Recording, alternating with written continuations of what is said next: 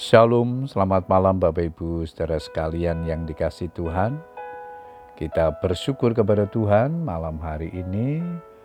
Tuhan memberikan kesempatan kepada kita untuk kembali menaikkan ucapan syukur dan doa-doa kita kepada Tuhan. Setelah sepanjang hari ini kita menikmati segala kebaikannya di dalam kehidupan kita.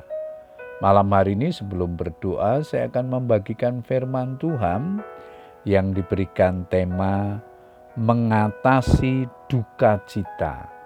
Ayat mas kita di dalam Matius 5 ayat yang keempat, firman Tuhan berkata demikian, Berbahagialah orang yang berduka cita karena mereka akan dihibur. Bapak Ibu Saudara sekalian, seorang penyair menuliskan kata-kata demikian.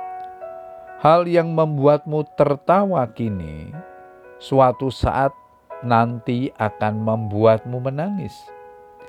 Dan apa yang membuatmu menangis saat ini adalah hal yang akan membuatmu tertawa kelak. Dalam khotbahnya di atas bukit Tuhan Yesus memberi beberapa tanda dari orang-orang yang disebut berbahagia. Dalam bahasa Yunani, kata berbahagia menggunakan kata makarioi yang artinya terberkati. Salah satunya adalah orang yang berduka cita atau dalam bahasa Yunani dipakai kata penteo. Penteo artinya bersedih, meratap, Melihat konteks hidup dari para pendengar khotbah Yesus waktu itu, sangat mungkin kesedihan dan ratapan itu terkait dengan keadaan sosial mereka yang rata-rata adalah orang yang tidak mampu. Banyak orang yang menderita sakit, orang kecil yang tidak punya banyak akses pada sumber-sumber kesejahteraan namun secara lebih luas, objek kesedihan dan ratapan ini bisa beragam. Misalnya kematian orang yang terkasih, kehilangan barang, kekecewaan, sirnanya pengharapan, matinya angan-angan, dan lain-lain.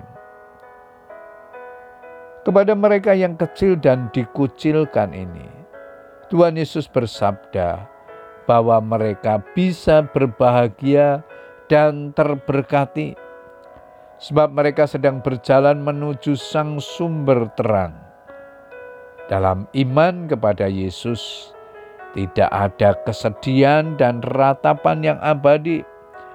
Memang kesedihan ada, tetapi penghiburan yang dari Tuhan itu mengimbangi kesedihan itu, dan Tuhan selalu menyediakannya. Di sinilah terbukti bahwa Tuhan Yesus sangat mengerti bagaimana manusia menjalani hidup di dalam dunia ini. Maka, bagi setiap pribadi yang sedang berduka cita, dia berjanji pasti untuk menyediakan penghiburan yang sejati, agar dalam kesedihan pun mereka tetap memiliki pengharapan. Bapak Ibu saudara sekalian yang dikasih Tuhan, apakah kita sedang menghadapi duka cita karena ditinggalkan orang yang sangat dikasih?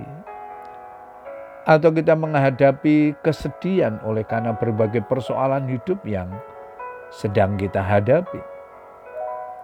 Ataukah kekecewaan, kesedihan oleh karena persoalan-persoalan hidup ini? Malam hari ini Tuhan mengingatkan kepada kita, Tuhan sanggup mengubah duka cita menjadi sukacita. Karena itu letakkanlah harapanmu kepada Tuhan yang berfirman, berbahagialah orang yang berduka cita karena Tuhan akan memberikan kebahagiaan. Selamat berdoa. Tuhan Yesus memberkati. Amin.